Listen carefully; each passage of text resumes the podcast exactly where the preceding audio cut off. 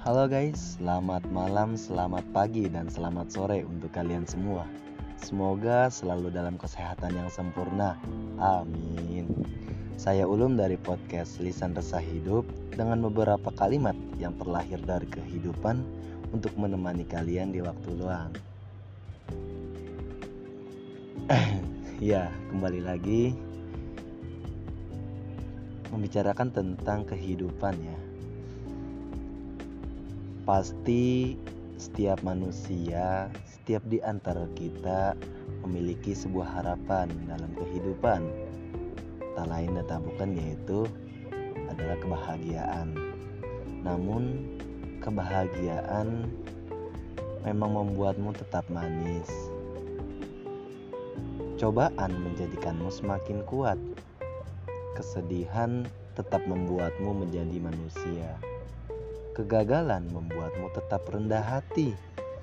Kesuksesan membuatmu tetap belajar. Namun, hanya iman yang membuatmu tetap melangkah. Terkadang kamu merasa tak puas terhadap kehidupanmu. Sementara banyak orang di dunia ini memimpikan bisa hidup sepertimu, bukan? Anak kecil di ladang memandang pesawat terbang di atasnya dan memimpikan bisa terbang. Namun, sang pilot di pesawat memandang ke ladang di bawahnya dan, memimpi dan memimpikan bisa pulang ke rumah. Begitulah hidup, maka nikmatilah hidupmu. Jika kekayaan adalah rahasia kebahagiaan, tentu orang kaya akan menari di jalan. Tapi hanya anak miskin yang melakukannya, bukan? Jika kekuatan memang menjamin keamanan, tentu orang-orang penting akan berjalan tanpa pengawalan. Tapi hanya mereka yang hidup sederhana yang bisa tidur nyenyak. Jika kecantikan dan kepopuleran memang membawa kita pada hubungan yang ideal, tentu para selebriti pasti punya pernikahan yang terbaik. Maka hiduplah sederhana, berjalanlah dengan rendah hati, dan mencintailah dengan tulus. Terima kasih.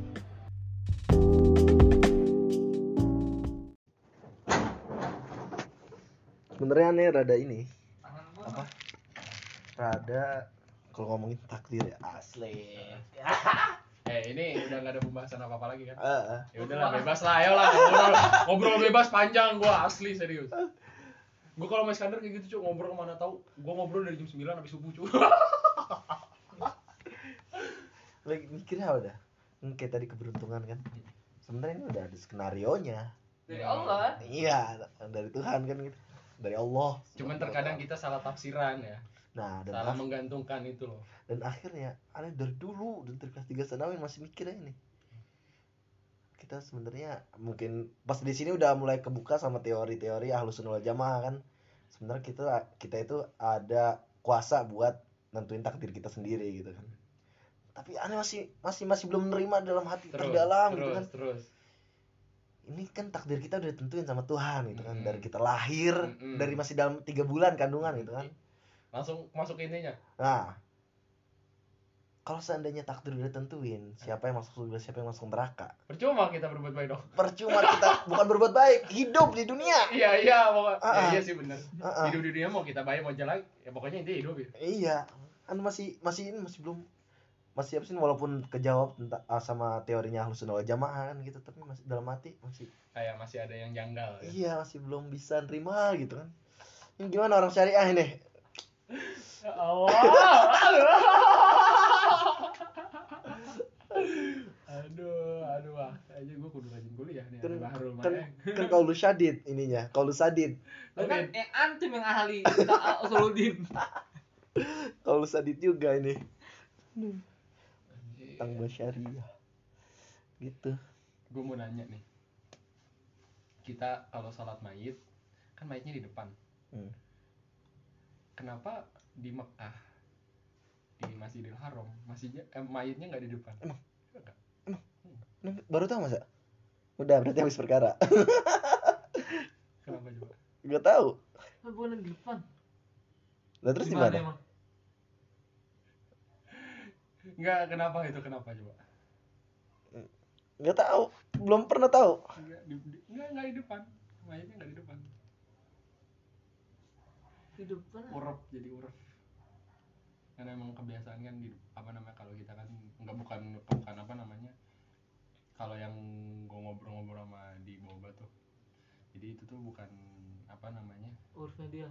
iya ya bukan apa sih Adat. rukun apa sih? Hmm. iya rukun ya. Bukan rukun dari sholat mayit itu sendiri harus di depan.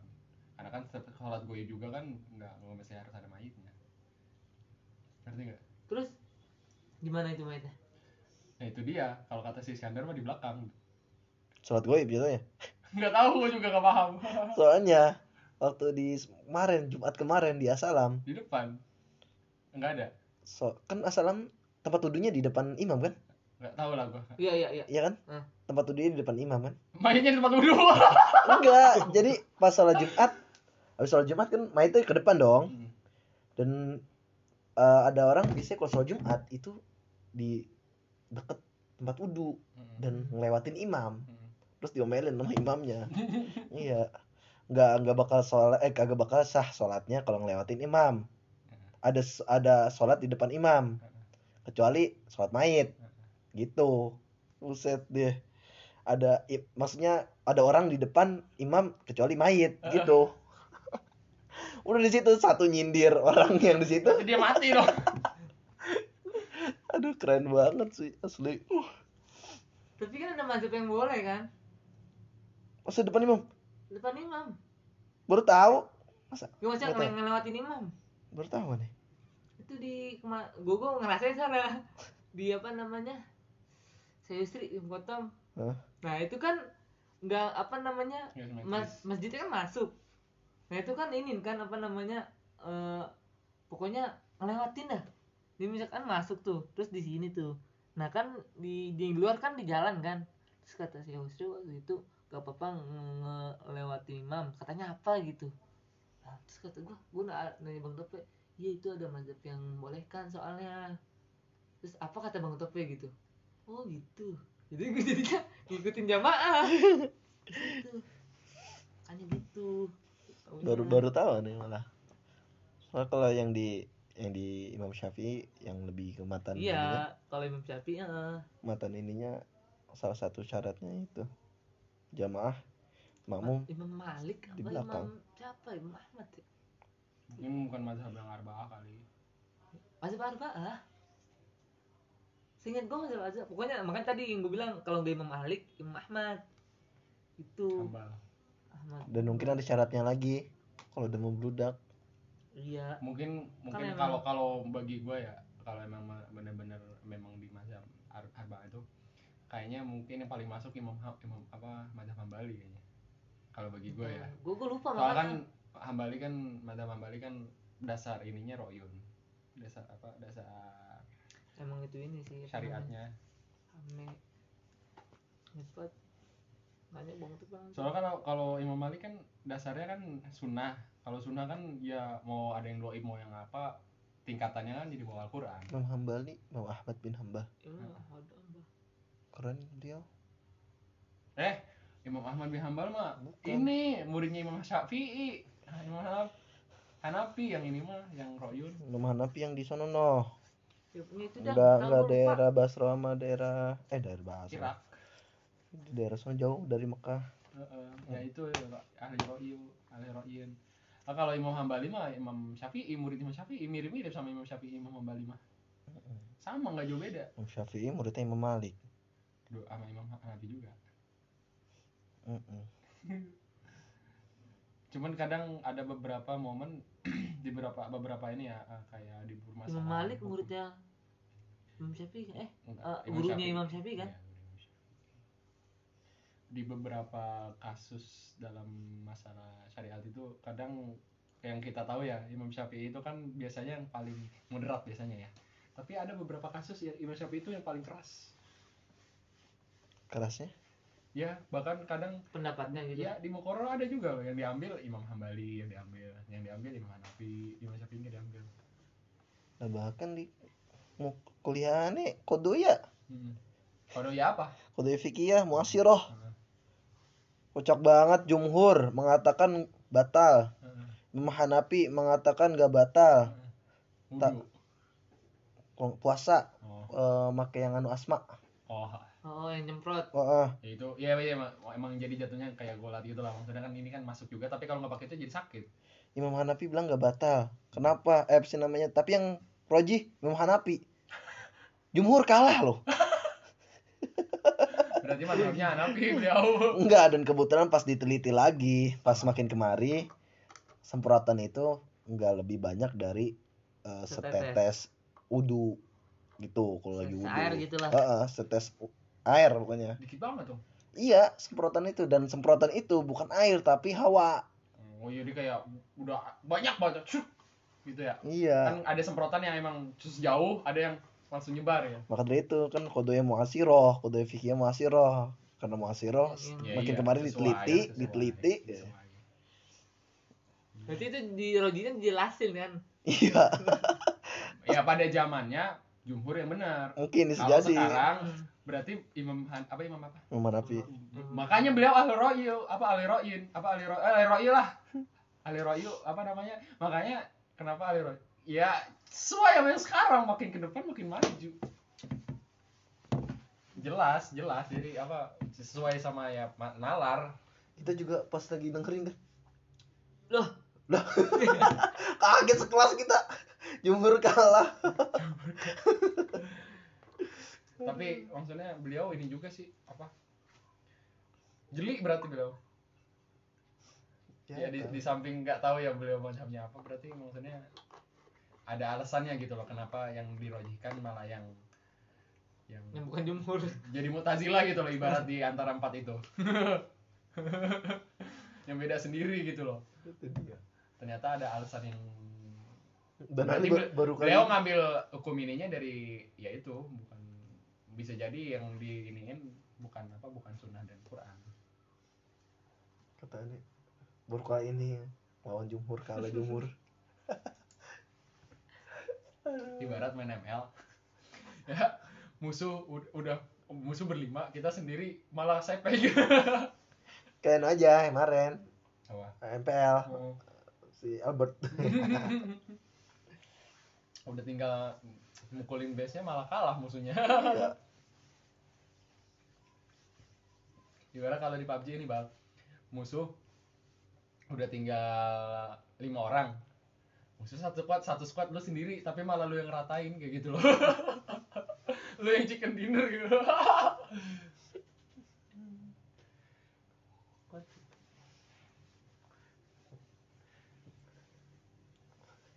Yang PUBG lima orang satu squad. Empat. kan musuh dia ngomongnya kan lu sendiri Kan ya squad. main main solo dia temannya mati semua Iya. Dia mati semua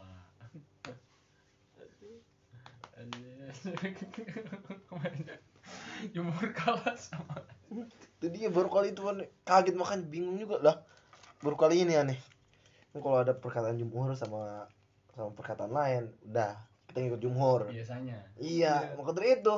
Lah, tapi ente kalau ente pribadinya ngikutin mana kalau pas setelah dianin alasannya oh Ya, iya ma- juga masuk. ya ikut juga itu masuk.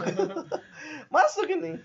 nggak masalahnya kan eh, sebenarnya kalau dibilang masuk bahkan alasan Syiah pun masuk Hmm. Alasan Wahabi pun sebenarnya masuk kalau kita kan bilang rasional doang. Iya. nah masalahnya siapa? Syekh yang ngajar antum ini ngambilnya dari apa? Dari Royun atau dari sisa-sisanya? Tapi kalau ngeliat dari mazhab Imam Hanafi yang dirojikan berarti ngambilnya dari Royun Mungkin maksudnya Imam Hanafi juga. Mesir.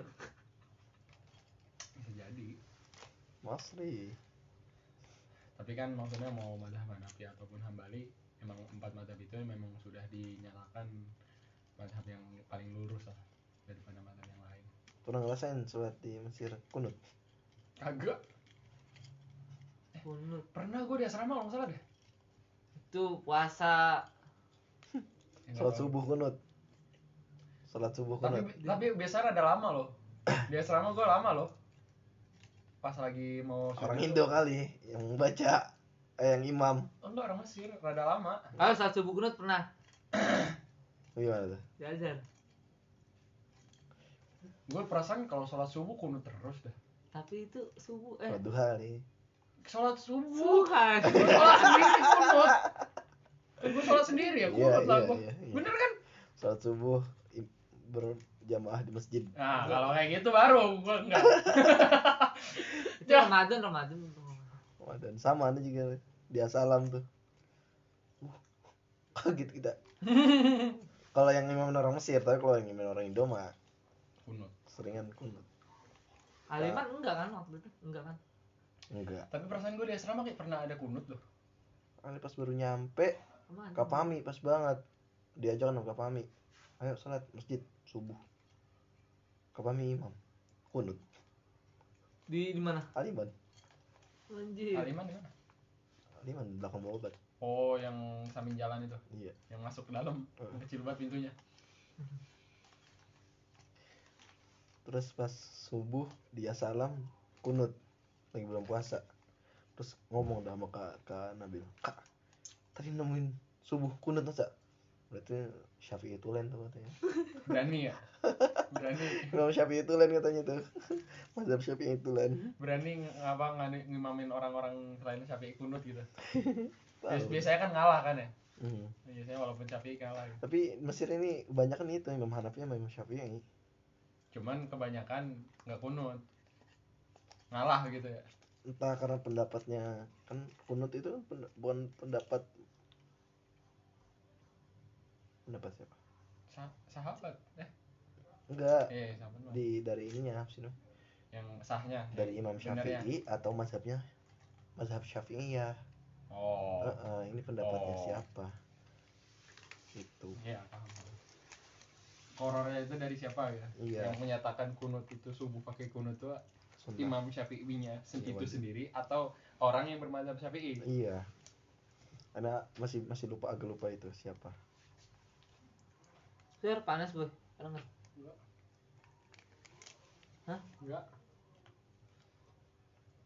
Nah udah ngelantur ke mana aja? Emang kayak gitu kan ngobrol. Oh, capek. Gue lagi waktu lagi ngobrol sama si Iskandar kan. Eh kata dia kan ini apa namanya? Dia bilang gini seingat gue kayak gini kalau nggak salah. Eh, kita kan kalau sholat jadi makmum harus ngikutin imam ya kan berarti kalau imamnya berdiri sebelum takbir itu kita harus ngikut gitu kan ya kata dia. Terus kalau imamnya tidur kita juga harus tidur dong katanya.